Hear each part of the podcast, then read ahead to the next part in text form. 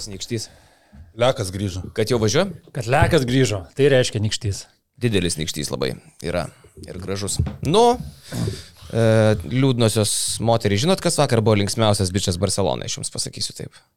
Vytas Mikaitis? Pone Vytautas Mikaitis, jis dabar kaip tik yra įsijungusi mus ir žiūri ir, ir, ir laukia kažko tai daug, bet mes turim balansuoti. Ar mes kalbam Vytui Mikaičiui, ar mes kalbam plačiai auditorijai. Jeigu plačiai, tai nusiraminkim. Jeigu Vytui, tai jie. Yeah! Vytui vis dar linksma šiandien. Vakar, tarp kitko, buvo rekordinis e, žiūrimumas, mes su Vytu darėm per ilgą pertrauką laivą. E, Instagram'e ir žiūrėjo 3000 žmonių mūsų laivą, tai pasveikinkim vieni kitus. Pasveikinkim.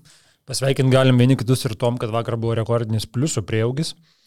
295 pliusai per vakar vieną vienintelę dieną prisijungė prie mūsų bendruomenės, tai didžiausias ir netikėčiausias augimas per, per vieną dieną, kokią esam turėję. Visą tai turbūt daug yra dalykų, kodėl taip nutiko ir tas įvykis Madride ir tai, kad mes tos laivus darom šią savaitę šiandieną, beje, mes darom ketvirtą dieną pailiui laivą. Du iš tų laivų buvo skirti pliusams, antras šiandien yra viešas. Viso penktas podcastas per šešias dienas, ką mes vėl nesam darę. Kažkam gal ir atsibodo šitie veidai, mum, mes vieni kitiem dar tikrai neatsibodom rungtynės tokios ir serijos tokios, kad kiekvieną dieną atsiranda apie ką šnekėti ir ką, tik dar kartelį pasidžiaugti, kiek ta mūsų bendruomenė gražiai didėja ir auga. Šiaip tai turbūt, kad Geršonų Jebuseliai dar reikia padėkoti už vakarykštį mūsų prieaugį pliusų, ne? Už tos 300. Arba Serhijo Jūj. Nu, ten visiems išėlės galim tiesiog išsiuntinėti basketinius džemperiukus. Padėkos kokį, kokį raštą, uh -huh. kažką prizą. Jo, mes dar Kačianausko muzikos mokyklai turim raštus prieš tai siūsti. Klausyk, nuo ko nori pradėti, nes daug čia visko ir žalgiriukas pramazino, ir, ir, ir baudos išrašytos didvyriams visiems Partizano ir Madrido Realo. Tai temų daug. Temų daug, dar ir Fenerį aptarsim šiandien. Uh Mhm. -huh. Pradėsim, aišku, nuo žalgirio. Jį. Jo. Tai ką? Šiaip nuostabi žalgerio reakcija, jeigu mes galvojam, ar žalgeris gali kažką pasiūlyti. Barsai po pirmo mačo prisiminėm tą seriją su Feneriu, kaip po pirmų rungtinių saim, kad atrodė, kad taip, ten žalgeris buvo sutriuškintas, bet matėsi, kad yra per kur galima atakuoti, tai po pirmųjų mačų šioje serijoje atrodė, kad nu, labai sunku rasti žalgeriui kažkokių argumentų, bet nu, labai greitai nutildė visas šitas mintis. E, nuo pirmų minučių matėme visai kitokią energiją. Aišku, Barsa, nu, nuostabi komanda, realiai žalgeris nors ir pakėlė tą fiziškumo lygį gynyboje, bet nu, nerealiai vis, visus e, žalgeriečių susikeitimus gynyboje, visus stepautus, ką norėjo, tą darė. Barsa išsimetė laisvus metimus, bet kaip bebūtų keista, žalgeris sugebėjo būti polimo rungtynėse prieš Barceloną, prieš elitinę gynybą ir rado tikrai argumentų, kaip ir sakiau, Ignas Brasdeikis turi būti faktorius, jis tokiu vakar ir buvo. Edgaras Ulanovas pagaliau pradėjo pataikyti savo tuos metimus, kokius pataikė žiemą. Matome, Aizėja Tayloras, kai jis žaidžia, kaip keičia visą žalgerį, nėra ne vieno Barcelono žaidėjo, kuris suspėtų vienas prieš vieną prieš Aizėją Taylorą. Galėtume tik įsivaizduoti, jeigu Tayloras būtų šimtų procentų pasiruošęs ir galėtų žaisti 30 minučių, kaip dar šitas žalgeris kitaip galėtų atrodyti, bet daug džiuginančių dalykų vakar buvo. Ignas jo grįžo į starto penketą. Kazis grįžo prie to paties starto penketo, kuris veikia, prie to žemesnio starto penketo. Ir kaip ir kalbėjai, Ignas yra talentingiausias polimo žaidėjas šitoje žalgerio komandoje. Ir tokioje gynyboje, kokie garsėja Barsa, tokių talentų reikia, tie talentai turi būti išnaudojami. Ir tai, kad vakar Ignui ir pakrito pradžioje, galima pripažinti ir tai, tas jos tebekas iš tritaškio tikrai ne visada yra užtikrintas, kad tu žinai, kad jisai įmėsi. Vakar tas metimas įkrito, vakar tie prasiveržimai irgi užtikrinti buvo, kur matėm, būdavo rungtinių, kuriam ir nepaidavo tie prasiveržimai. Bet vakar Ignas darė pirmoji pusė vienas prieš vieną praktiškai, ką norėjo išsikeisdavęs prieš tą patį Mirotičių, atrodo, nušvisdavo netakis ir suprasdavo, kad va, šitą bičią tai aš tikrai dabar atakuoju ir daug, daug problemų neturėsiu. Tai jo, kaip ir, kaip ir sakėjai, pozityvas nuo pat pirmų minučių, polime, polime matėsi, kad e, reikalai klostosi, klojasi žymiai lengviau. Aš tik visas rungtynės kartojau savo, nu apsiginam, apsiginam, nu, nu pakeliam tą gynybos lygį, nu pagerdam, nu dabar, dabar trečią keliam, dabar, nu, nu. Šiaip nu, ir- vakar smagiai pasikeikėm čia apskritai, ne? Ir, vat, jo, ir, va to, ir va to pritruko. Gynybos visgi e, dar to žingsnelio, arba tiesiog, kad Barsa mažiau pataikytų, arba kad vienas kitas švilpukas, kur galbūt galvojai, kad mm, ar tikrai čia viskas jau taip yra 50-50. Nu, nebuvo šito. Ir, ir, ir labiausiai turbūt reiktų apie gynybos dalykus kalbėti, kad tiesiog nepavyko to žvėriško Barsos talento polime sustabdyti. Ir vėl. Bet, nu, nerealiai paruošta komanda Barcelona, Žalgiris gerai polimu sugebėjo, tas vienas prieš vieną visai kitoks žaidimas, buvo daugiau pasitikėjimo, kai metimai sukrenta Brasdeikio, Ulanovo, atsiriša rankos ir kitiems, Laurinas Birutis terrorizavo, Sertačio Šanly buvo gražu žiūrėti. Šanly vakar buvo suvalgytas ir įdėtas į galinę kišenę. Milijoninį kontraktą gaunantis Šanly maudamas Biručio, dėl to buvo labai smagu, bet polime, ypatingai kai Šaras arba Maksvitis pasiėmė minutės per trukėlį ir Barsos kita ataka, tai jau žinai, kad bus laisvas metimas. Ir visi kartai gavas, kad Barsa laisvus metimus išmesdavo po taimauto, tik tais ne visada jos pataikydavo. Šiaip idealus deriniai tikrai Šaras puikiai pasiruošęs. Apie minutės per traukėlės Matas Kakčiukas primena istorinę per traukėlę, ką galvojate apie Ulės. Nešaukit ant manęs treneri. Ką galvojate? Čia nežinau, gavus. Lekas kad... neturi tą paruošęs, nežinau, ar mes pasižiūrim dar kartelį. Gali paleisti. Jo. Ten panarinės galva, Ulės sėdi labai nusiminęs.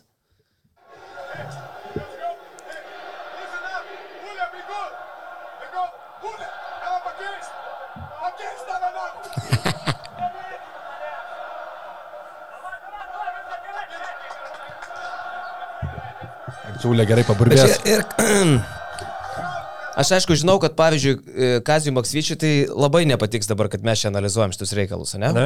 Nu, jisaigi yra prašęs ne vieną kartą, kad nepūskit iš tokių dalykų kažko, ne, nenorėčiau, kad apie tai būtų kalbama, net vakar spaudos konferencijoje kažką panašaus pasakė, ne? kalbėdamas po rungtinių jo, kad nenorėčiau, kad apie tai būtų labai tęsiamos diskusijos. Bet čia ir yra pučiama, čia, ta prasme, žmonės pasigavo taip, kad aš net nesuprantu. Jo, ką mes ko... čia darom dabar? Irgi pučiam, nu, tai, tai va, būtent. mes tą darom. Taip, mes dabar. Ačiū labai. Ne, mes dabar bandom įnešti kažkiek sveiko proto šitą situaciją. Prasme, nes išsipūtė iki, iki negalėjimo komentarai, staiga žmonės viską žino. Viską žino, koks yra Edgaras Ulanovas, viską žino, koks yra santykis tarp Ulanovo ir trenerio, žino, koks yra mikroklimatas, žino, koks yra Ulanovas myžnius, žino, kaip čia viskas yra, kokia čia yra bloga situacija. Ta prasme, ir aš tik tai galvoju, sustojam trupučiuką, sustojam. Vos, vos, labai trumpai sustojam ir pagalvojam, ką mes ką tik čia pamatėm mes pamatėm intimę, aš sakyčiau, kad ir tu esi rungtynių, didžiulių rungtynių akimirkoje, kad ir tai yra tave filmuoja kameros, sakytum, tu pamatai intimę sceną. Vyrų sceną. Dar man čia buvo labai tvarkinga scena. Čia nuskambėjo vienas vienintelis kiksmažodis iš Kazio, na, šitas. Koksai? Na. tai buvo labai tvarkinga. Edgaras atsakė, net jūs nereikit Aš net nebejoju, kad per taimautus yra buvę tokių atvejų, kai žaidėjas pasiunčia trenerį atgal, na.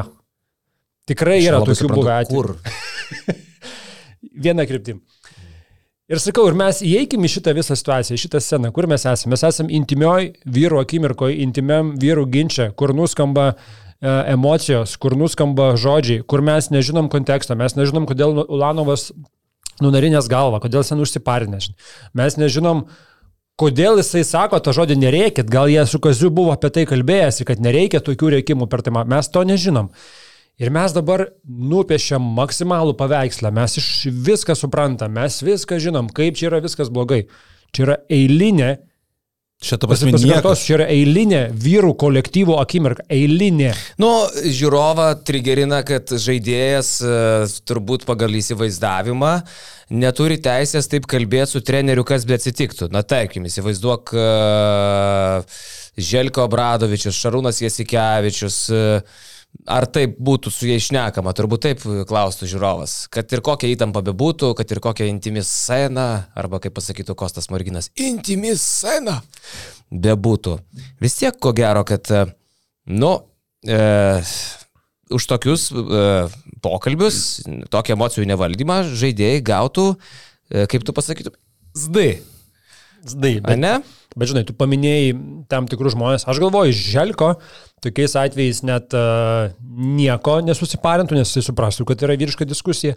Net ir Šaras šitokiais atvejais aš, aš nežinau, ar čia mes sakytume, kad Šarui kažkas taip nepasakytų. Taigi ten ir pasisintinėja ir panašiai visko būna, ne viską nufilmuoja. Čia pamatėme tokį be jokių kiksmažodžių Lanos pasakė, kuris trenerių pažįsta 20 metų ir mes čia kažką dar... Ir jį vos dar... tėvų vadina. Tai va, tai ta prasme, Ulanovas 25 minutės žaidžia, žaidžia puolime maksimaliai, 25 minutės žaidžia maksimaliai gynyboje prieš Mirotičių, gauna sunkiausius dalykus, stumdytis nele, nu, į viršų pakėlęs tą savo fiziškumo lygį, visą sezoną žaidžia po 30 minučių ir tu esi pavargęs, tu nelabai girdėjant tos emocijos, ką tau sako, tada tu išgirsti tą turbūt jau paskutinę fazę, kai pradeda kazis rėkti, tada automatiškai gaunasi tas toks, bet jis nei nusikeikė, nei kažką padarė. Tai čia kas kažką labai sutiršina, tai visiškai yra toli nuo krepšinio ir net nežino, kaip ten būna turbūt viduje. Gal reikia dar žmonėm patį Kazio ir Ulę santyki paaiškinti, nes aš net nebejoju, kad va dabar išstebinčių tūkstančio tiesiogiai, vėliau dar 40 tūkstančių netiesiogiai nežino, kad Edgaras Ulanovas su Kaziu Maksvyčiu kartu yra nuo, nuo vaikystės, nuo Edgaro vaikystės. E, ne tik tai jaunimo e, mokykloje buvo Ulė su Kaziu, dar ir prieš tai. E, ne tik jaunimo rinktiniai turiuomenį, dar ir prieš tai jie buvo kartu. Tai čia yra visiškai Kazio sūnus krepšinėje. Edgaras Ulanovas, nu ir aš galvoju, kad mes savo tėvui, artimam labai žmogui, uh, kuris ten įsiplėskė, irgi jau užaugę, nekartą esam pasakę ir riebiau, ir, ir karščiau, ir kažkaip tai taip, žinai, bet... Aš nesakau, aš likau nustebęs. Čia kitas santykis, jeigu Dovydas Ulė sako jūs, Ulė sako jūs, taip, taip. Aš, aš dėl to buvau nustebęs. Čia rodo pavyzdį kitiems, žinai, nors jie yra draugai visiškai. Um, jo, o visiems visiem tiem, kurie dabar čia viską išsiaiškina ir viską žino, įsivaizduokit, jūsų namų virtuviai kažkas įrengtų kamerą ir užfiksuoja kokį jūsų ginčą su žmona kur ginčių tikrai būna kažkokių, ne, kur sukyla kažkam emocijos. Ir dabar tą ginčą ištransliuoja visam pasauliu ir visas pasaulis padaro išvadas, kad jūsų santoka yra sugriuvus ir supuvus. Apie ką jūs čia hebra, kokie jūs čia, pažiūrėkit, kokie jūs žmonės baisus, vieni kitų ką kalbat. Tai va čia yra tas, kad mes patekom į intimę šeimos akimirką, mes pamatėm jų va tokį uh, trumpą apsižodžiavimą ir pasidarėm išvadas kosminės nu, nutraukiam, sustojam čia ir pabaigiam šitas diskusijas. Jo, bet po to atsakymo, kas jis keitė iš karto, keitė. ne? Tai, tai yra, jo, tai, tai yra trenerio, žinai, tai yra vėl yra kazio principai, mes nekartą matėm. Kažką bando įgis ginčytis, įgis kažką keičiu, sėsk ant suolo, pasidėk atvėsi, aš tavį leisiu. Aš tai visai kitaip čia, supratau tą keitimą. Čia yra, aš supratau, kad čia kazio principas. Aš supratau keitimą, kad pamatė, kad Ūlė labai pavargęs ir paklausė, ar tave pakeist, pamatė iš jo kūno kalbos, kad nu tikrai Ūlė be kvapo yra ir nusprendė pakeisti. Aš taip supratau šitą keitimą. Ir emocija gal prasta grįžti į aikštelę, buvo, ne? Mačiau, e, Dimša labai gražiai kaip sunus e, besivaidinčius tėvus irgi ten bandė skirti. Jo, kas vėl yra, kiek esame tokių tai matų, labai dažna situacija. Kažkas mato iš šono, kad jau tos emocijos, o jisai įsikiša, viskas gerai, davai, davai, davai, davai. Daugybė vėl tokių emocijų, kurias randa žmogus, kuris pabando nuraminti, grįžtam atgal prie krepšinio, tarėmės, kalbam visą kitą. Tai sakau, mane stebina, kad mūsų krepšinio fanai, kurie tiek daug žiūri krepšinio, nustemba dėl tokios situacijos. Jo, taigi buvo fuck you Gigi Datome, bet ar čia no. buvo kažkokia tragedija? Tu prasme, ja. tokių per sezoną būna tiek, tik tais, kad nespėjo nufilmuoti, vieną per sezoną filmuoja ir daro čia kažkokį skandalą. Viskas gerai. Tai grįžtam gal jo, atgal prie krepšinio irgi e, Ignas Brasdeikis antroji pusėje. Iš Šaro jau gavo kur kas didesnį dėmesį. Šaras pradėjo dvigubinti Igną kas kartą, kai Ignas bandydavo apžaidinėti oponentą tiesiogiai pats. Kas vakar šiaip irgi didžiulis akcentas buvo Žalgirio polime, nuo, nuo Igno prasidėdavo žiauriai daug atakų, aš nežinau procento, neskaičiavau, bet daug, daug, daug polimo prasidėdavo būtent nuo Igno, duodam jam kamolį ir išstatom visus antrojako ir žiūrim, kas dabar darysis.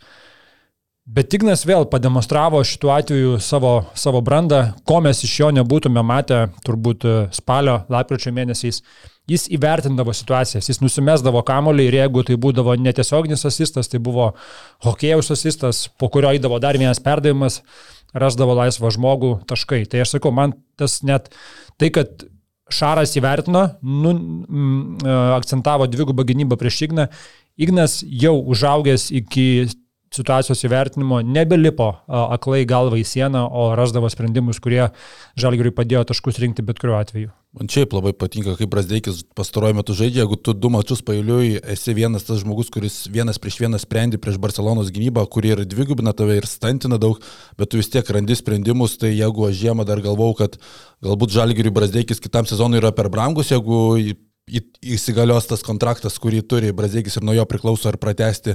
Dabar aš visiškai taip nebegalvoju ir manau, kad idealu, matant, kaip Brazdeikis tobulėja, kitą sezoną turėtų būti iš viso topinis skoreris Eurolygoje. Mesgi kalbėjom, atsimeni prieš playoffus, kad e, playoffuose pamatysim, ką, ką užsiauginom iš Brazdeikio per sezoną. Tai vad matome labai solidžiai, labai gerai. Lygiai atrodo. taip pat, kaip buvo su Brandonu Deivisu pirmą sezoną, jau esu šitą pavyzdį minėjęs.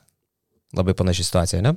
Panašu tikrai, tai matant, kokį Šaras duoda, nu tikrai pagarbą parodo Ignui Brasdeikiui, jeigu mes įsivaizduodam, kad Brasdeikis nėra stabilus žaidėjas ir prieš rimtesnės gynybas dažnai atklysta, kaip Jonas ir paminėjo, neskaito tų situacijų, tai dabar tas e, situacijų skaitimas pakilęs į visai kitą lygį.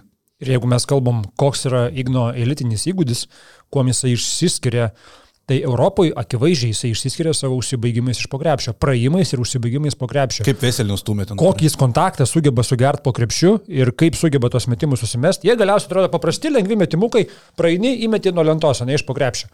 Kiek iki tol yra padaroma ir sugeriama kontakto ir suvaldomas kūnas ir išvengiama polime pražangos. Tai čia yra, mano galva, elitinis įgūdis. Tikrai jisai šitą dalyką Europoje turi ir jisai su juo gali dominuoti. Jo. Uh, šiaip tai prasikeikiau dar vakar dėl teisėjavimo. Uh, jau aš čia tiek nuskambėjęs kaip teisėjų gynėjas, uh, niekada turbūt ir nesu kažkiek kritikavęs, bet vakar, okei, okay, mes tikrai ne dėl to pralaimėjom, tikrai ne dėl to. Ir čia ne, negali prikišti, bet labai erzina, kai tu matai aiškiai, kad švilpiama yra iš kažkokios tai pagarbos. Na pavyzdžiui, man labai įstrigo Davido Gedraičio neva pažanga prieš Kaliničių, kada ten Kaliničius malėsi, jau Barsos ataka degė, nebeturėjo jau kur dėti kamulio ir aiškiai sužingsnevo. Ir tada arbitram reikėjo toks įspūdis kažkaip pateisinti, kad Kaliničius čia negalėjo sužingsniuoti ir kalą pražangą Dovydui Gedraičiui. Čia kai Kazys paskui gavo techninę. Satoranskį. Prieš žaidė prieš. Satoranskį. Voreva. O, bet ar Suolas ar Kazys gavo techninę? Tautidas Sabonis pakėlė ranką ir gavo Suolas. techninę jo. Tai va aš va šitoje situacijoje labai siūtas paėmė, nes aš galvoju, nu fakt, nu tai kodėl dabar, va tik todėl, kad šis Satoranskis, ar ten, kai okay, galvojau, Kalinčius Satoranskis negalėjo sužingsniuoti, tai jūs jau tokį net vėlyvą, nes suvėluotas buvo švilpukas, švilpėt ir bauda. Labai tas suerzino. Ir paskui buvo, man atrodo, būtkė prieš Mirotičių, irgi liktai gavo gynyboj baudą, ne? Buvo epizodas. Ar Arulė? Ten, kur po krepšiu, bet ten, kur, jeigu kur, kur po krepšiu ir buvo taškai, tai ten buvo, nes Butkečius nebuvo užsiemęs vietos. Ne šitas epizodas. Šitas tai viskas aišku. Va šitas irgi ten man kaimynas rašo, kas čia buvo, tu man pasakyk. Čia sakau, jeigu ir bauda, tai bauda gynybui. Taip. Viskas trukoja, nes jau dvi žingsnį būtkė judėjo. Bet buvo dar vienas momentas, kur e, tu žiūri ir net ir jūs sakėte. Stumdėsi, kai stumdėsi. Jo, jo, jo, jo. Tai čia Sūlė. Sūlė. Antrajako. Ir dar buvo vienas su Butkė epizodas. Tai buvo trys epizodai, kur tu matai, jog tai yra pagarbos barsai švilpukai, kažkokios tai gal baimės, kažkokio tai tokio žalgerio mažumo švilpukai, nes viskas vyksta palablogranui, dėdės šaro akivaizdoj. Ir aišku, kad tai nežudikiški švilpukai, jie nieko nekeičia iš esmės. Žalgeris yra silpnesnė komanda ir ko gero gal ir praloš, bet dideliam klubui, favoritui, jie nežudantys švilpukai. Tokiam mažiukui, kur kiekviena detalė daug ką reiškia, tai yra smūgis kiekvieną kartą į padichą, žinai. Tu turi išiminėti būtkė, sodinti ant suolo su keturiom baudom, paskui ne, jau keičiasi tavo žaidimas. E, tu leidai su viena kita pražanga varžovams pratestą ataką, e, kaip, va, tarkim, Satoranskiui ten nežingsniai, o pražanga Dovydui su švilptiba, ne? Jie daro taškus. Ir vat vienas kitas toks epizodas, tokį mažiuką, kuris kabinasi, žinai, kaip kačiukas, kuris negali užlipti ant palangės, jisai visai kaip bando praslysti ant tapetų, žinai. Ir kiekvienas toks jam duoda per snukį. Ir tas labai labai erzina, žinai. Ir dar kai mes jaučiam, kad turim šansą, sėdim prie tų televizorių ten apsikabinę, žinai. Ir tokį kiekvieną matai, nu žinok, vakar po ilgos pertraukos, neatsimenu kada paskutinį kartą, rėkiau ant telikos, pjaudžiausi ir turiu pripažinti, kad e, teisėjai buvo, švelniai sakant, e, iškolioti kaip ir čia mes e, paklikavom. Nu, baisiai nervinausi vakar dėl šito. Žinai, tai labai erzina, bet prisiminkim, ką mes išnekėdavom pernai serijose ir užpernai metų serijose. Mes lygiai tą patį išnekėdavom, kai žaisdavo Barsą prieš aštuntą komandą ir kiek pagarbos švilpukų gauna Nikola Mirotičius. Niekas nepasikeitė. Mirotičius ketvirtą sezoną grįžęs iš NBA, Eurolygoje yra naujasis Nando Dekolo, kuris gauna mėsti baudas dažniausiai už tai, kad yra tiesiog Nikola Mirotičius, o dėl to, kad ten ta pažanga buvo ar nebuvo. Ir mes tai kalbam metai iš metų.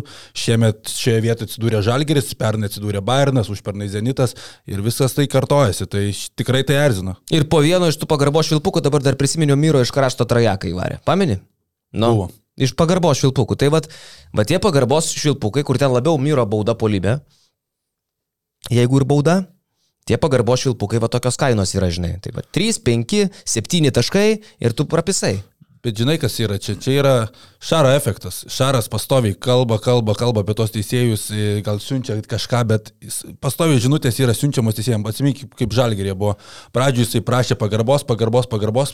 Ta pagarba į Kauną atėjo, galiausiai nebekalbėdom, kad kažkokie švilpukai 50 ant 50 eina į kitą pusę, Žalgiris buvo laikomas jau kaip elitinis klubas, jame buvo Šaras, dabar lygiai tas pats ir Barcelonai, viskas yra pakeičiama ir čia tas Šaro efektas, nematomas darbas, kurio jis net nedirba aikštelėje, o dirba už aikštelės ribų.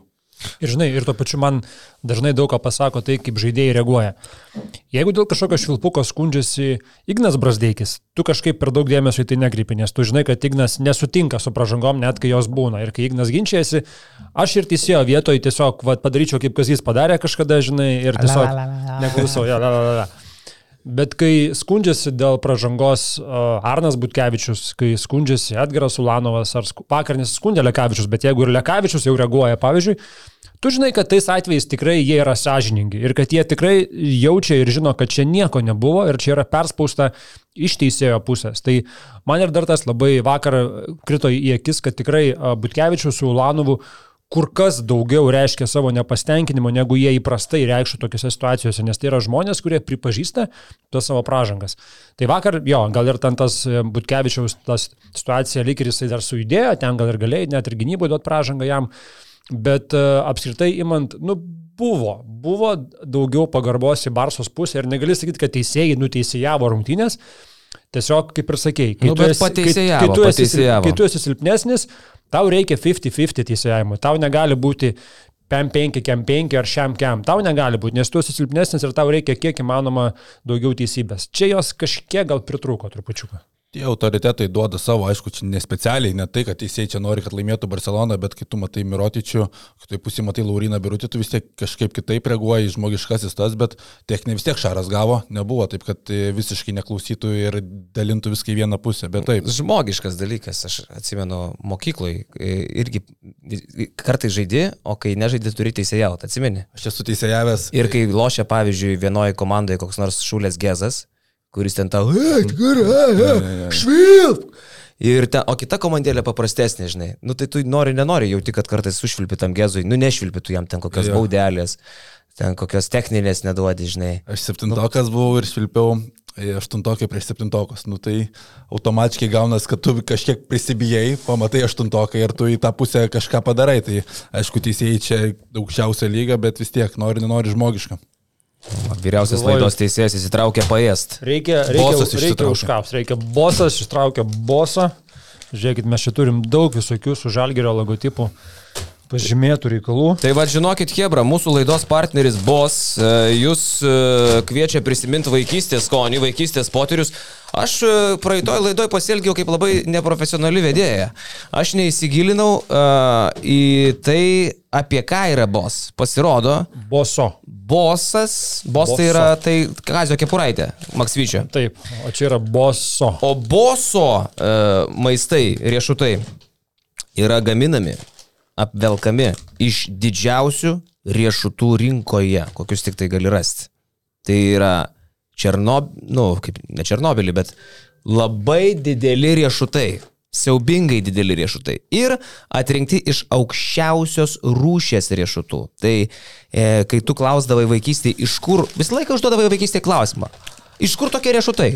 Tai jie yra atrinkti iš didžiausių riešutų ant šito pasaulio apskritai. E, o kitas geras dalykas yra, kad skonių tai įvairovė viena, bet jūs galite pirkdami su žalgerio logotipu boso riešutus, boso sneksus, jūs galite e, viduje pakuotės ieškoti e, momentinio žaidimo kupono. Pavyzdžiui, kaip aš dabar paieškosiu. Taip, smalsusis jaunikaitis Jonas.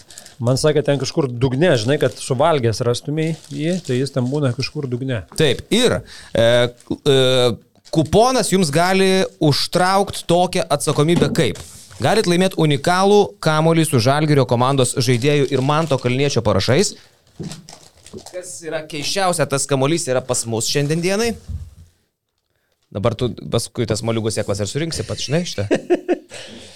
E, taip, galit laimėti Ne, nelaimėjau nieko. firminį žalgerio podelį iš žalgerisshop.lt. E, galit laimėti vat tokį boso e, sneksų, e, boso party box užkandžių rinkinį. Jį sudaro žemės riešutai, grėtinės ir svagūnų, sūrio ir svagūnų, česnakinės duonos, e, skonio apvalkale, skrudintos moliūgų sėklos su prieskoniais ir taip toliau. Ir radus laimingą kuponą su visokiais tokiais prizais, jūs rašot info eta boso.lt, nurodot telefono pavardę, te, vardą pavardę, telefono numerį, e, paštomatą ir e, jums atsiunčia dovanų. Šiaip dovanų, sakė, yra daug pridėta. Mes turbūt, jeigu visus pradarysim, bent porą kuponų rasim. Va, o šiaip tai prisiminkite tą vaikystės skonį ir ėskit boso. Taip, čia tau ne šiaip savo riešutai, čia boso riešutai. Tai va. Valgykit boso. Važiuojam toliau prie, Ką, grįžtant vakar iš tikrųjų... Uh, prie Apie, Eurolygos. apie Mirotičių kalbėjom kažkiek, bet ir Veselį vakar buvo didžiulis galvos skausmas. Žalgiriui pirmoji pusėje 18 taškų, vien, vien pirmoji pusė, jeigu neklystu, ar Jo. ne?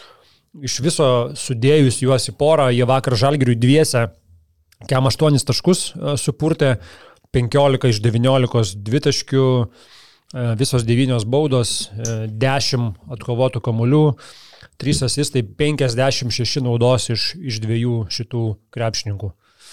Veselį galima labai paaiškinti. Žalgeris pasirinko kentėti su gynyba, bet e, žaisti su geresniu polimu. Pasirinko penktąją poziciją Rolandą Šmitą.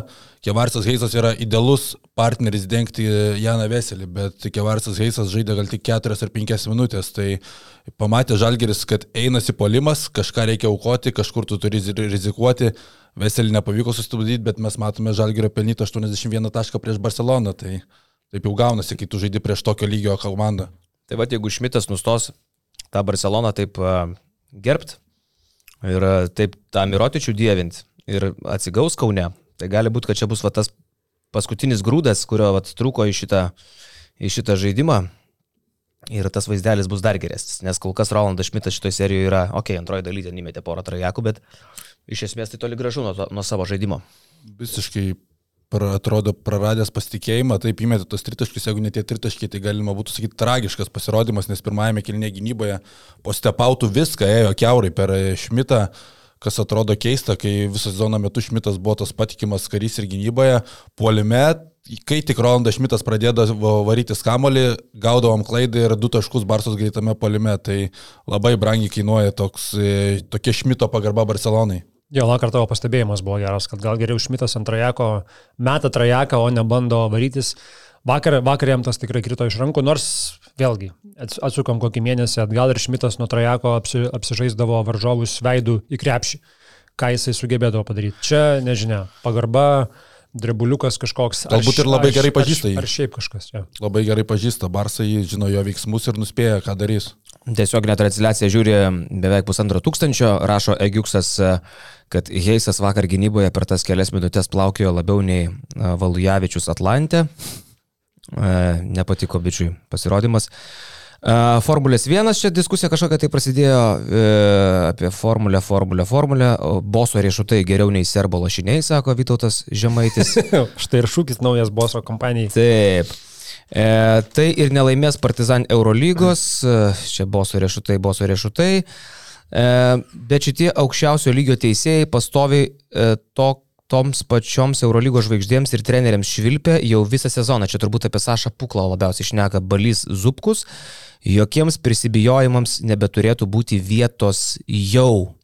Saša Puklas yra pats nemėgstamiausias e, Gedriaus Šliko teisėjas Visur vakar. puklas, visur puklas. Jo. Jo. Piršaras jo nemėgsta. Saša Puklo, vakar net Gedrius priminė, kad tai, tai teisėjas, kuris ir vakar dirbo Barcelonai, kad Saša Puklas kažkada ar į galvą gavo Kaune, ar kamuolį jam ten metė. Ale kažkas buvo Ne, mes. nes Karbonki baliais. Ne, Ne, tai Skarbonki ten balius su Lietuvoj, bet Rytu buvo. buvo. į Freemano jisai tam švilpė. Gali būti. Freemano. Tai va tenai buvo Saša Puklas irgi tose rungtynėse, kur nebuvo sušvilpta bauda prieš Freemaną, nors iki šios dienos dar neaišku, ar ten ta bauda buvo. Bet tai, lai tai jau aiškin, aiš, aiškinsis mūsų vaikai. E, Taip, e, dar vieną epizodą pakomentuokit. Polonaros dėjimukas, sako Gedrius Andrijonas. Ir Polonara ten buvo. Ten jau tikrai pakilo labai smagiai.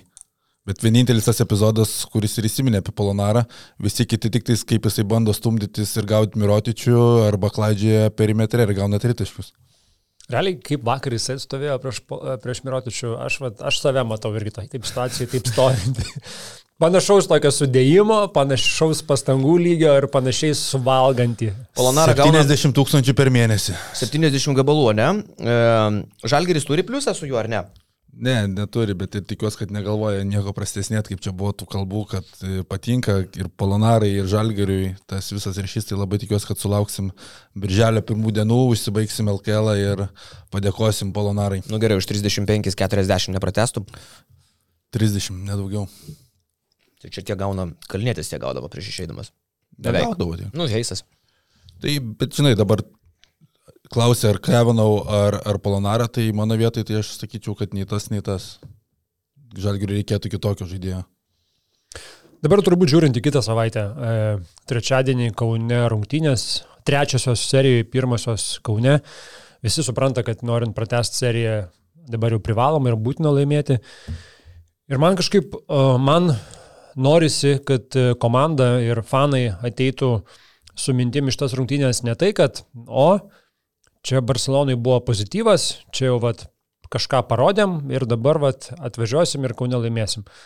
Turėjai kaip tik turbūt su nusiteikimu ir su mąstymu, kad blogai 0-2, blogai, gynyba buvo bloga abiejose rungtynėse, nebėra kur trauktis, mes turim padaryti darbą geriau. Neteiti kažkiek atsipalaidavus po to, kad antros rungtynės buvo geros, kad nebūtų tokių emocijų, kad geras pralaimėjimas jisai vis tiek pralaimėjimas ir nereikia ateiti su, sakau, aš labiausiai bijau, kad neteitų su tą emociją ir komanda, ir fanai, kad, o, jau čia buvo gerų ženklų ir dabar mes va toj irgi tai padarysim. Šaras bus paruošęs savo Hebra vakar irgi, man atrodo, televizijos komentarė pasakė tam seniukui kad sako, jeigu jie taip žaidė šiandien čia, tai įsivaizduokit, kaip jie žais Kaune. Nu iš karto, jisai kiekvienam savo intervę, ar tai va ant televizijos, ar po rungtinių, mums visiems, lietuviams, kalbėjo. Jis kiekvienam tą pabrėžė, kad Kaune Žalgeris bus dar kitoks, reiškia, jis tą pastovę skėpė ir savo žaidėjams. Nu, Kaune, manau, kad Barsas išeis su šimtaprocentinė motivacija neprisižaisti. O mūsų užduotis, aš nežinau, nu, akivaizdu, nu, kad laimėt atsiliekant 0-2, dar niekam nepavyko serijos, kad, kad laimėt tris kartus prieš Barsą šį sezoną kam nors pavyko Eurolygoje, vargu bau, tuo labiau Žalgiriui, tai turbūt sunkiai gyvendinama užduotis. Nu, tikslas maksimum, jeigu jį įmanoma iškovoti, tai būtų super laimėti rungtynės Kaune, trečiasias rungtynės, iškovoti teisę pasimti dar riebę pinigų sumą ir gerą žaidėją už tą sumą nusipirkti kitą sezoną.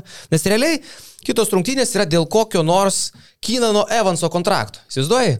Laimim rungtynės ir tiesiog prizinis fondas Renata iš Valinsko laidos įneša uždengtą puodę Kinan Evans. Dovanų, tu gauni jį tiesiog. Tai yra apie 700 tūkstančių uždirb žalgit, gal ir daugiau. Tai yra visas krepšininkas kitam sezonui laimėjus tas rungtynės. Tai va tokia tų rungtynių kaina. Renatą į studiją. Renatą, studijų. Tai aš labai labai norėčiau, kad va, tą žalgerį sugebėtų padaryti, kitaip sakant, pasidovanot savo kitą sezoną ekstra klasės krepšininką su šita pergalė. Ir viskas. O ten svarstyti apie seriją, pasvarstysim, jeigu laimėsim trečias rungtynės. Tai aš irgi prieš seriją tą sakiau, kad turi dabar galvose neapsikraut, kad čia mes 0-2, kad čia jau viskas serija mums krenta. Prieš seriją sakiau, kad Žalgirio pirminis ir pagrindinis tikslas, po to viską žiūrėti toliau, jeigu pasiseks.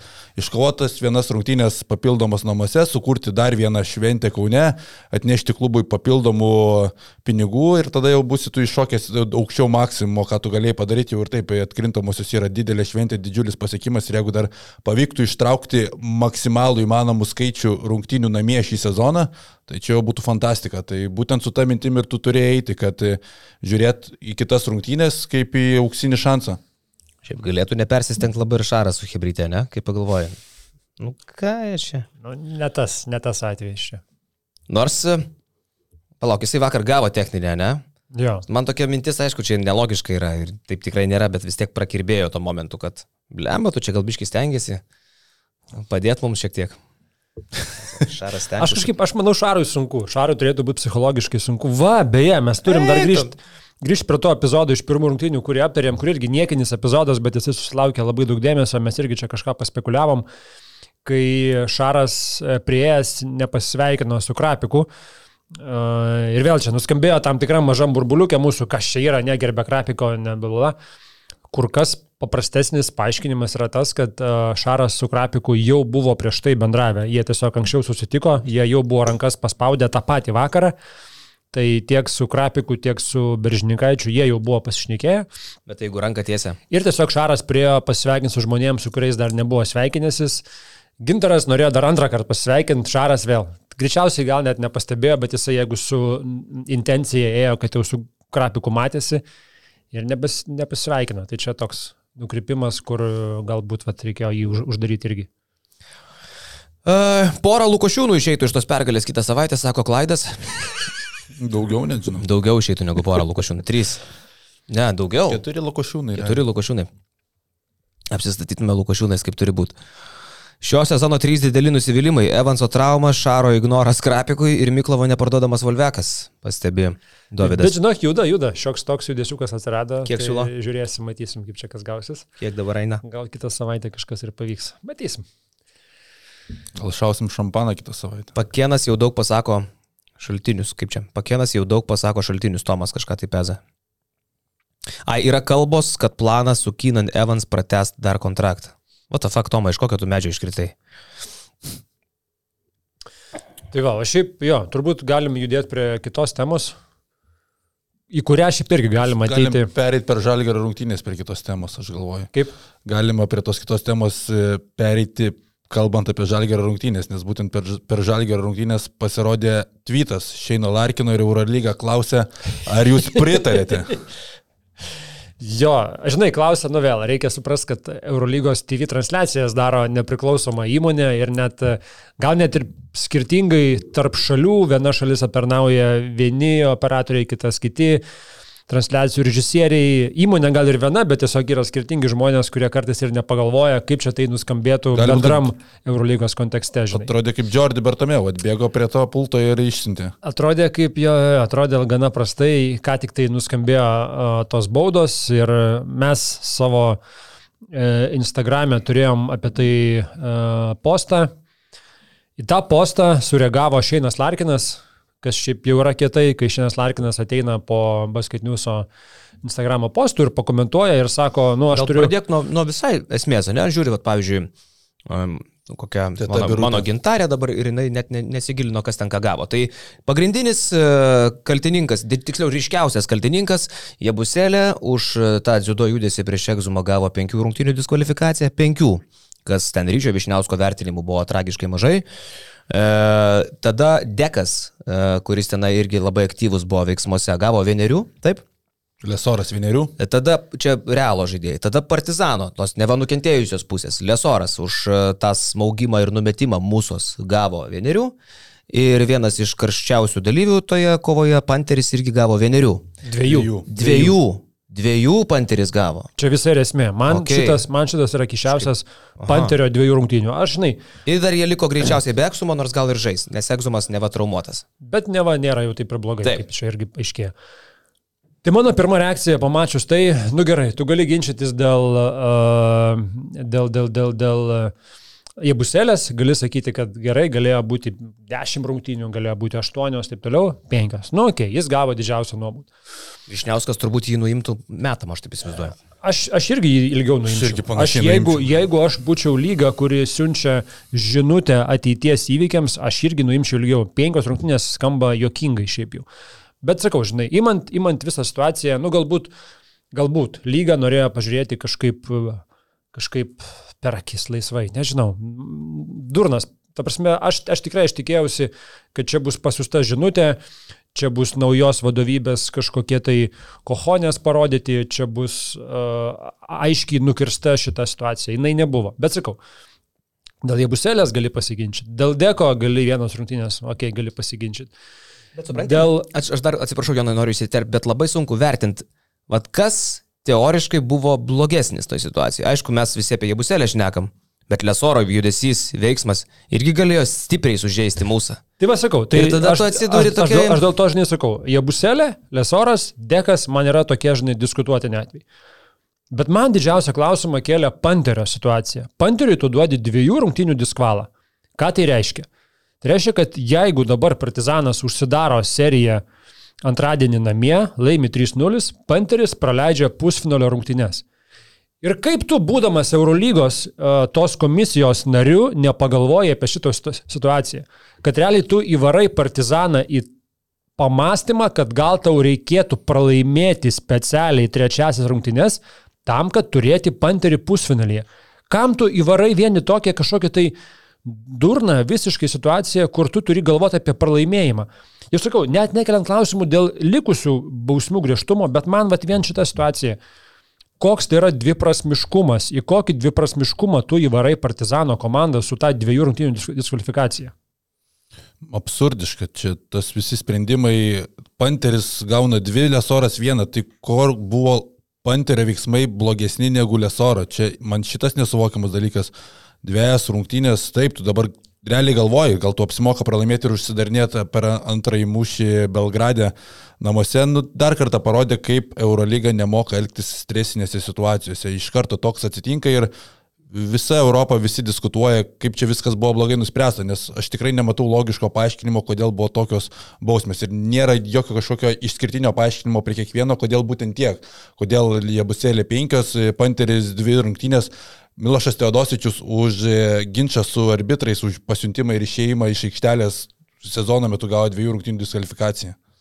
Kur čia vėl, tu gali jo apie tą patį. Aišku, jie paaiškinimą turi, jie tik nekomunikuoja, čia irgi bėda, žinai. Jie tikrai tau paaiškintų, bet nekomunikuoja. Tas pats Serhijo Jūjo, ne? O kodėl nu, Jūlas okay. nenubūstas? Kodėl jis nenubūstas? Jis tai inicijavo visą konfliktą. O kuo Panteris ten blogesnis realiai už Jūlą? Ir kaip Panteriui reikėjo reaguoti, kai tau prasuka iš kumščio, iš kumščio prasuka į pilvo, nežinau, tarpukojas rytį, kur ten buvo tas smūgis, nežinau, kaip jam reikėjo kitaip reaguoti? Jis, jis ir taip sureagavo labai šaltai. Bet, okei, okay, grįžtam prie to Instagramo posto, tai žodžiu, Šeinas Larkinas ateina po, po mūsų basketniuso postų Instagram ir sako, turiu vieną klausimą. Jeigu Partizanas laimi trečias rungtynės ir patenka į finalo ketvirtą, ar Panteris galės žaisti pusfinalyje, ar jis bus suspenduotas tom rungtynėm?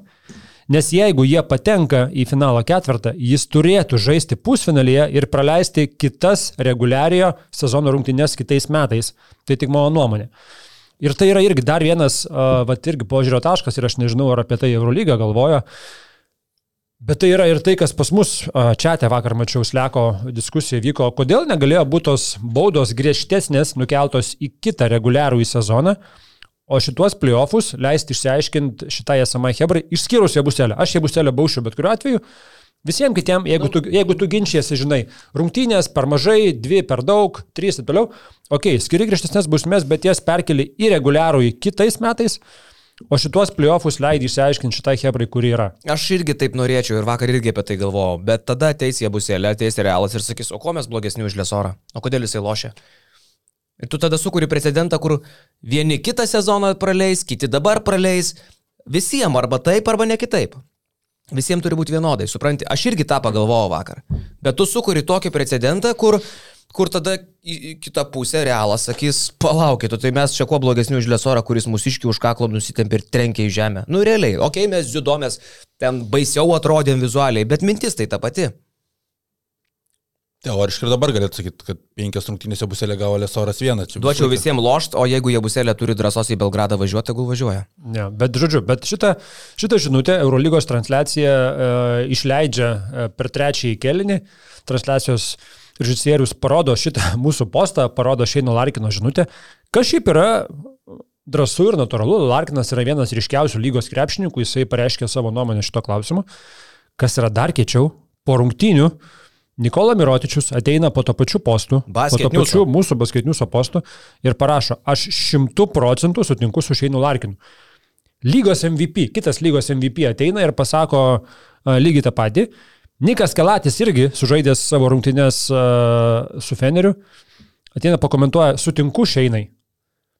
Tai mes turim tris ryškius krepšininkus Šeiną Larkiną, Nikolą Mirotičių, e, Niką Kelatį, komentuojančiais komentuojančius po basketinius apostų Instagram'e ir sakančius, kad tai nėra sąžininga situacija, kad Panteris teoriškai turėtų praleisti pusnulio rungtynės.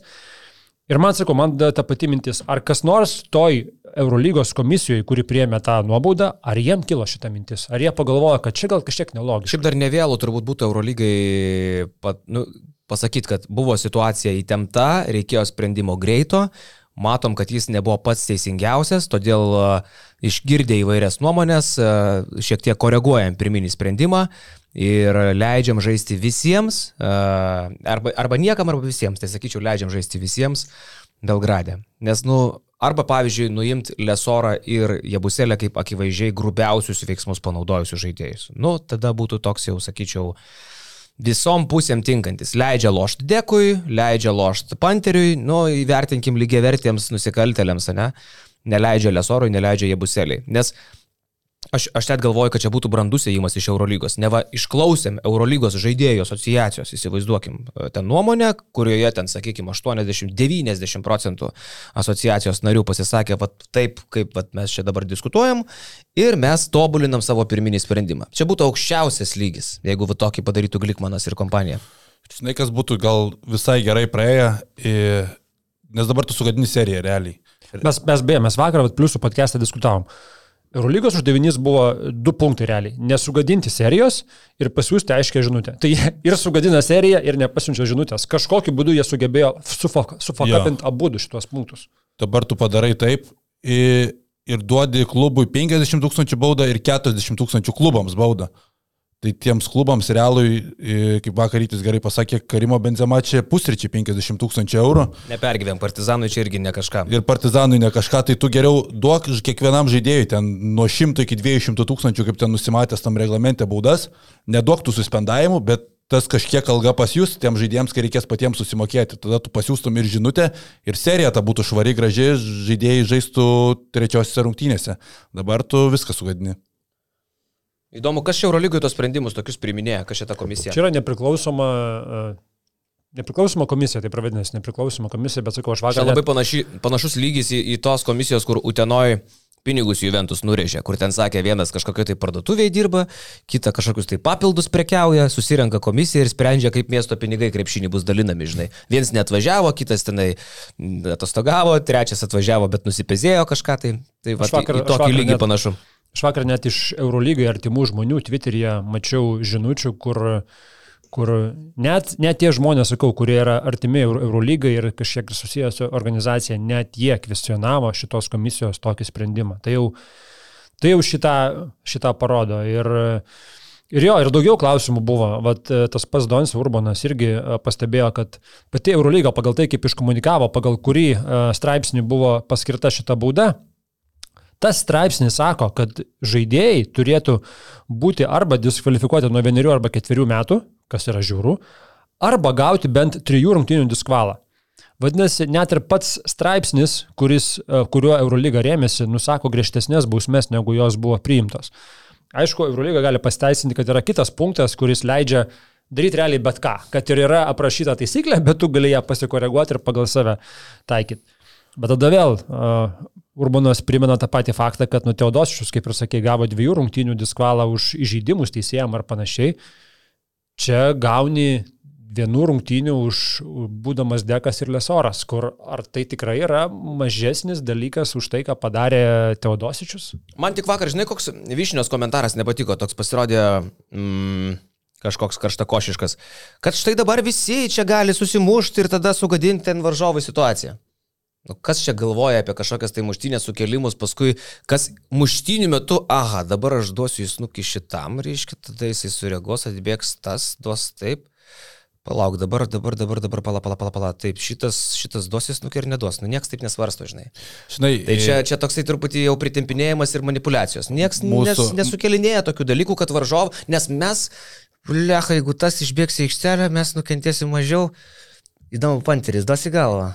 Ne, žinai, mūsų aplinkoje faktas, kad Nebūna taip. nemasto, mes Lukošiūno nesiūsim Mirotičiaus iškirtinėti, kaip čia pasirodė vakar tų komentarų, bet va toks Janakopulas, pamatęs tą sprendimą, jis išstoja, sako, va dabar aš pradėsiu kirsti žmonės, sako, Eurolyga pasidarė juokinga, o yra toks Janakopulas, kuris, nu, tikrai pratelis jo gali pasimaišyti.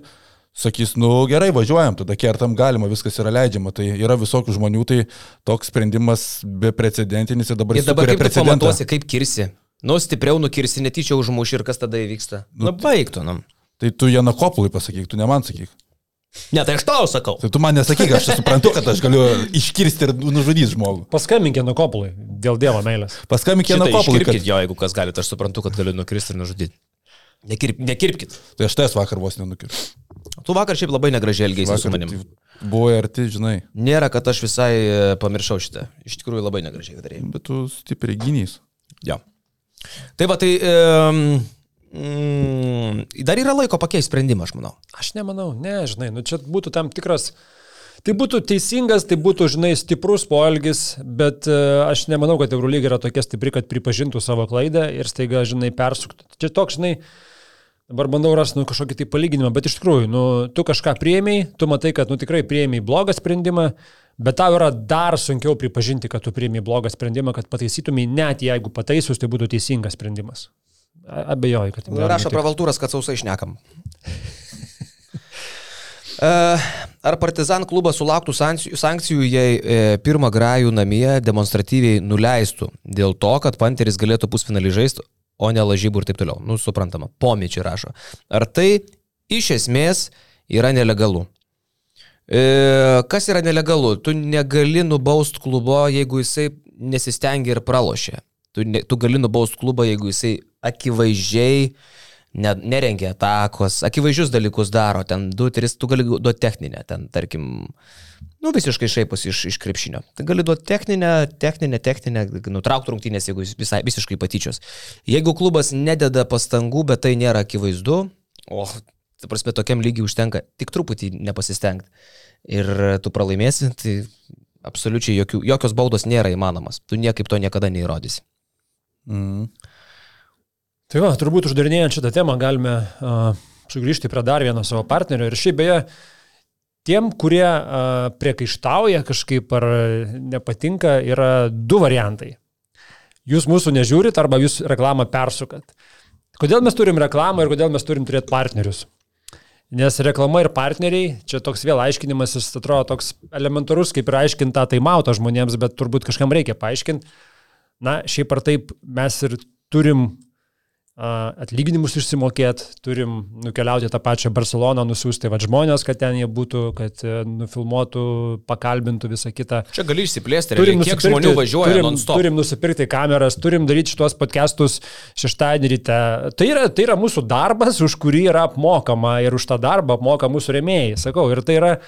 Ir žmonių yra 40 čia. Ir, ir, ir tai atrodo dalykai, kurių nereikėtų aiškinti, bet gal paaiškinam, nes po praeito karto sulaukėm nemažai tų komentarų dėl integracijų. Tai Momo Grill yra tie mūsų ilgalaikiai partneriai, kurie yra mūsų fanai ir kurie mūsų net ir virtuviai sako klauso ir, ir tai daro darydami savo darbus. Bet Žygis klausia, kaip live metu prasukti reklamą. Vat live metu neprasuksi, nueik pasisioti tuliką, jeigu nori per laivą.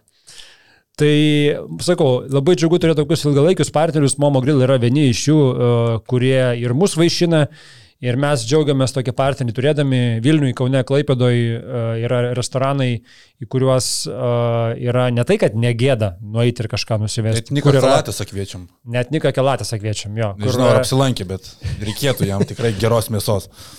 Bet kur yra tikrai e, smagu nueiti. E, Yra, yra smagu nueiti ir dėl atmosferos, kuri yra, kur tu nesijauti kažkoks labai supančiotas e, dėl prabangios aplinkos ir panašiai. Tu jauties gerai, tu jauties kaip atėjęs pas bičiulį į namus ir, ir aptarnaimo lygis, ir maisto kokybė, ir tie patys gėrimai. Viskas yra taip, kad tiesiog pačiam dainuoja širdis tenais nuėjus.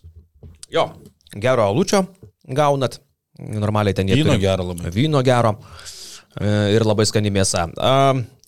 Aš nežinau, ar mes dar turim apie Momo Grill kažką naujo pasakyti, bet to, kad ten aфиgenai gerai valgyti. Einam šiandien dienos pietų į Momo. Aš mačiau, kad Momo ieško, ieško į virtuvę žmogaus. Šiaip beje, Momo Instagram'e yra, tai jeigu kažkam aktualu, a, nueikite į Momo Grill Instagram'ą, ten yra parašyta net atlyginimas parašytas ir parašyta, kad ieškomas komandos narys, tai va irgi Hebra ieško papildymo. Jie to neprašė, kad aš tai paminėčiau, pareklamuočiau, bet gal kažkam, kas iš mūsų klauso, a, tai būtų aktualu ir vat, dirbti tikrai aukšto lygio restorane. Arba ta gera šiaip Momo, a, palieka Hebrai. Ja. Momo grill yra realiai kaip Saša Vezenkovas. Jam įrodinėti nieko nereikia, Momo grill nieko nereikia, ir net reikia ten tik tai nueit pavalgyti, kaip ir į Sašą Vezenkovą, pažiūrėti, kaip jis žaidžia. Tai toksai palyginimas visiškas MP ir galima, manau, perėti prie Olimpijakoso serijos su ta gaida. Žiūrėk, tik vienas pastebėjimas, sako, reklamos yra ok, kol koks nors gyvulys neįsiterpia ėsdamas. Oi, koks jautrumas yra, nu tai įsijung balto katinas svetainė ir nebus problemų. Senus įrašus, LNK gau dar, man atrodo, įsikėlė yra. Bet valgant, e, kalbėti negražu, karaliai. Ja? Jo. Bet tai kaip mes šnekam, važiuok. O tai kuo podcastas skiriasi nuo gyvenimo, aš galvoju? Nu, kodėl čia reikia pastoviai kažkokį tai padaryti laidą, telešau? Juk mes gyvenime tai valgom ir kalbam. Pertraukiam burną kalbė. Bet nu, pilna burna kalbėti ir realiai. kalbėt? Nekalbi. Nekalbu. Eik, tu gargaliuodamas kalbi. Nu kur jau. Aš apsičiapsiu, kai... Nu gerai, nevalgysiu. Tai va, tai Jonas jau perėjo prie Vezankovo. Čia kaip narko narkotikai, tu pradedi, negali. Jo, jo, yra šitas su šitais dalykais. Perėjo prie Vezankovo, Vezankovas vakar gavo su kompanija Antusi, pilnam taikos draugystės pilnose rūmose. Bet Vezinkovas su trim tiksliais metimais iš žaidimo surinko 27 naudingumo balus. Neįtikėtina. 11-11 baudų, 18 taškų 27 F, bet neišgelbėjo, neišgelbėjo Olimpiakoso, kuris turėjo plus 16 antro kelnio pradžioj. Atrodė, kad tas pirmas penketas padarė darbą ir vėl Olimpiakosas laikys tą pranašumą, bet Karsinas Edvardsas buvo tas X faktorius, kuris antrajame kelnėje užkoncertavo.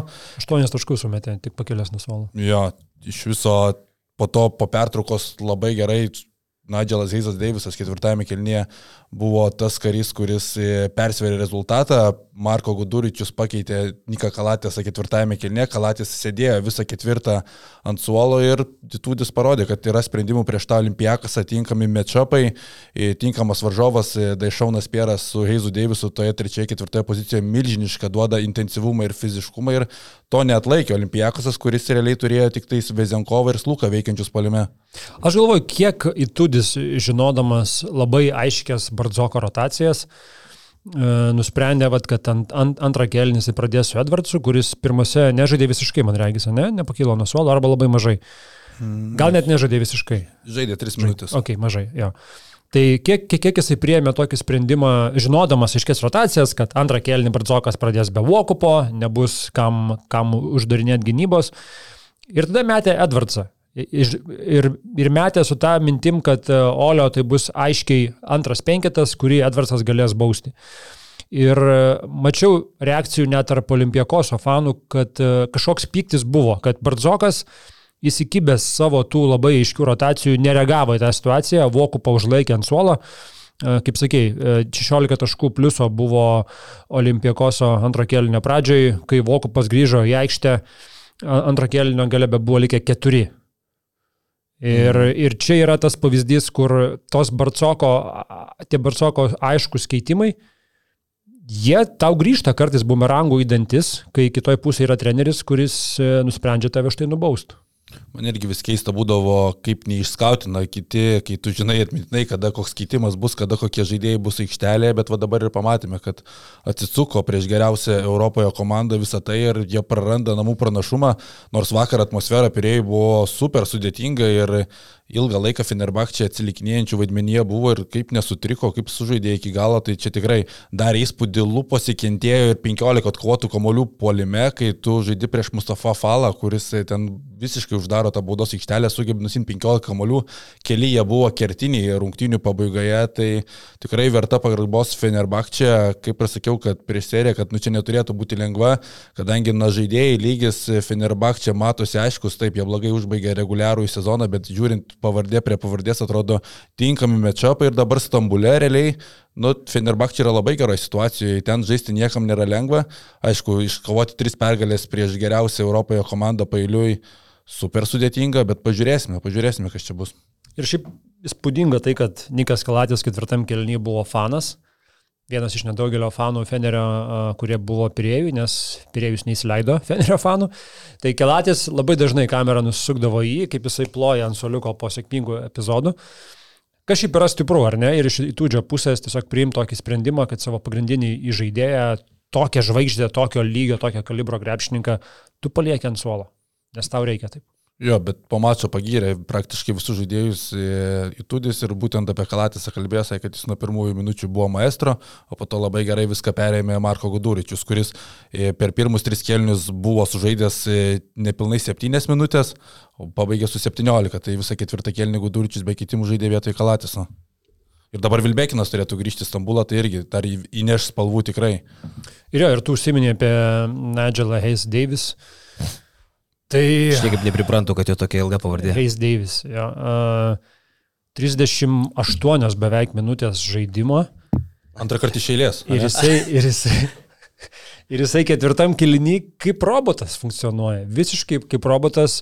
Žinai, kur tie uh, japonai buvo pagaminę tą robotą, kur nuo trajako ar ten nuo vidurio mėto ir viską pataiko tokį, tipo, to, ja, ja. tobulą metimą. Tai va, Heisas yra tas pats, kuris kojytė susistato ant to trajako, švystelite savo metimuką, puf, puf, puf. Bet šiaip puf, puf. sunku labai patikėti, kad jis tokio elitinių pasidarė. Dar Žalgirį jis palygint buvo toks Arkadijus Vinokūras, ne? Vėl tu su juo. Nu, vėl tu su juo. Ne, nu turiu mini klaunas. Žiūrėkit, ar, va, mes turėjom diskusiją, aš paskui to parodžiau. Arkadijus Vinokūras Taip, visuomenininkas, politikas. Čia atskiri žmonės. Ne atskiri. Atskiri žmonės. Aš, aš tau net siunčiau voice. O aš tau atsakiau ir numečiau linką. Kur... Atskiri žmonės, du skirtingi žmonės. Ne, Jonas, dabar tu klaidini visuomenę. Aš Gerai, negrįžtam. Aš, aš siunčiau aš, linką. Aš, Atsidarai? Nekalbam apie Vinokūrą, Vinokūrovą, Vinokorčenką, nekalbam. Taip, kalbam. Arkadijus Vinokūras buvo ir politikas, ir klaunas. Bet e, lyginant su jais, su Deivisu Žalgirį, Barcelonui ir dabar, tai tu kažkokį turi ekstra klasės elitinį uh, polėje, kur, kaip tu ir sakai, Trajakas aukščiausio lygio e, gynyba, buvo ir yra aukščiausio lygio kovingumas, protas, e, įgūdžiai, viskas tokio elitinio krepšininko. Ir kai žiūrėjai prieš sezoną į Fenerio sudėtį, nu, čia Kalatis, čia Vilbekinas, čia Motliai, čia Tratata, Bielica, o, laliu, laliu, O žiūri, Pieras ir, ir, ir, ir, ir, ir Heisas vakar, lipa ant lentučių, daro dalykus, gudūrą daro dalykus, kur tu taip jų pirmais smūkais ten nebūtum e, statęs prieš sezoną. Jo kertiniai čia žaidėjai paminėjai, bet apie Heizą Deivisą aš dar atsimenu Kaune, kai mes kalbėdam, kad labai sunku jam su psichologija, prameta tuos metimus laisvas, bet jau tada buvo kalbama, kad Heizas Deivisas yra daugiausiai dirbantis žalgerio žmogus, kuris ateina į žalgerio areną ir 9-10 val. vakare įsijungia šviesas ir tiesiog dirba su savo metimu, dirba su savo kūnu, tai Barsui atrodė tikrai išnykęs žmogus, turėjęs tik tais vieną funkciją gintis Polime ten jis jokio vaidmens neturėjo, bet Vaditudis atskleidė visai kitomis spalvomis ir tas tobulėjimas aiškiai matosi. Mhm. Vakar ketvirtam kilniui Heiso stacijai. 11 taškų, 4 atkovoti kamuoliai, 2 asistai. Čia yra, Roša Panč. Čia yra geri stacijai visom rungtynėm, ne ketvirtam keliniui. 11, 4 ir 2. Mhm. Ir tai buvo absoliučiai keičiantis žaidimo krepšininkas, kai ten jis pradėjo bertos trajekus, aš taip irgi linktelėjau galvą, nu čia, čia bus reikalų Oliui. Jau nebegrįšiu žalgiriuką. Nu, jau tokį bičią gali realas tai medžiot vietoj Jano Tenis kitą sezoną. Nesibaigus sezonui, tai prasitęsė su Feneriu dar ilgesniam laikui. Mhm. Išgelbė, nes realiai Bielica turėjo šitoj būti vietoje, kur yra dabar Nigelas Heisas Davisas, visi tikėjasi iš Bielicos kaip komandos lyderį ir ta vedlė, Bielicos nėra, bet Heisas pasiemęs tą vaidmenį ir čia man atrodo dabar ta serija, kur nu, realiausiai man atrodo, kad bus penkerios rungtynės. Man tai atrodo iš dabartinių perspektyvų, nes realiai jeigu žiūrint į visą šią savaitę, kaip atrodė visos poros, tai visos e, Trys komandos, kurios pralaimėjo pirmąjį mačą, sureagavo. Sureagavo Žalgiris, davė gerą kovą, nelaimėjo taip, e, sureagavo Feneris pralaimėjęs ir labai gerai sureagavo Monakas. E, tuo metu Realas, jie nesureagavo, bet jie vis tiek sugebėjo kažkaip padaryti, kad serijoje išliktų, kadangi tos diskvalifikacijos irgi keičia visą, visą eigą ketvirtfinalio. Tai visur intrigos realiai. Klausyk, bet ar nebus taip, kad mūsų mylimas draugas, kolega, net ir neblogas vyras Vytautas Mikaitis savo filmuotą medžiagą, e, tuo klipuku, kur reklamuoja savo kempingą Kaune apsigyventi finalo ketvirto metu, bus atspėjęs, nes atrodė absurdiškai, jisai pasirinko Makabį, Partizaną, Žalgirį, o čia turbūt nepataikė ir Fenerį kad čia bus finalo ketvirtas ir aš jam vakar net rašiau, sakau, tai tu negalvoji, kad apsirikai, kad ten vietoj Fenerio tiesiog Oli faną reikėjo įdėti ir, tipo, ir, irgi graikai čia važiuosi, irgi karšti, irgi mm. ieškos, kur apsigyvendžinai. Sako, jo, čia apsilažalinau, čia suklydau, čia tratata, žinai. Bet e, klausimas, ar iš čia suklydo, nes, nu ką, Feneris čia visai seksovai atrodo, jeigu Kalatis ketvirtų kelių neloš, Gerai, čia, vis, čia viskas, viskas gerai ir įdomiai klostosi, per, bet aš kažkaip matau labai panašų scenarijų į pernai, kuomet Olimpijakos laimėjo pirmą mačą, antrą prieš Monako pralaimėjo, trečią laimėjo išvykoje, ketvirtą pralaimėjo ir viskas grįžta į priejų ir priejų ta beprotybė vyksta, žmonės Fire'us šaudo ir vėl matau apokalipsę priejų ir 3-2 Olimpijakoso. Dar vyriukai, jau viskas turbūt apie tą, ne? Apie tas rungtynės turbūt jo. Ką nori dar? Dar apie dėdės Arvido sūnų galim trumpai užsiminti. Aš tai dar į žalgiriuką biški norėjau užsukti. Tai žiūrėk, apie Saboniuką trumpai ir grįžtame. Gerai. Tai šią naktį vyko tai turbūt ko mažai kas tikėjosi. Golden State'as e, šeštas rungtynės žaisdamas namie. Mes jau čia prieš kelias dienas pašnekėjom, kad gerai, Domantas vat, turės laiko operacijai, turės laiko palisėti, pasiruošti rinktiniai. Sakramentas kažkokiu būdu laimi šeštas rungtynės San Franciske ir prasiveža seriją atgal į Sakramentą. Sabonis prasiveža didžiulę menulę, mėlynę po akim, va, žiūrėk, lekas kaip dirba, prašau, prašau. Tvajų, matė. Atrodo kaip parokio, žinai. Jo, gavo, gavo stipriai į akį Domantas. Uh, Domantas mažai žaidė, Kingsai rinkosi žaidimą žemų penketų, kas čia buvo. Baudavo Domantas, penkias baudas greitai gavo, po to šeštą likus penkiom minutėm iki ketvirto galo. Andrius Galdikas rašo, nežinau, kiek stebite NBA, bet Domas atrodo labai blankiai serijoje su GSV, kartais bijo net į lanką žiūrėti. Į, į žaidinėjimas irgi dingęs, ar tikrai jį reikėtų rinktis numeriu vienu vietoj JV. Prieš mūdį net centruodamas nusimeta. Bet sakau, čia reikia nepamiršti ir įvertinti, mes ne viską žinom apie Domanto sveikatos būklę. Aš manau, tai yra dalykas. Ta jo dešinė ranka yra subintuota, kažkiek yra turbūt taupimosi, baimės, kad nepablogintos situacijos. Tai tikrai mes nežinom, E, kokio procento sveikumo šiuo metu yra Domantas Sabonis. O kad jis atiduoda visą save, tai mes galim nebejoti. Ja.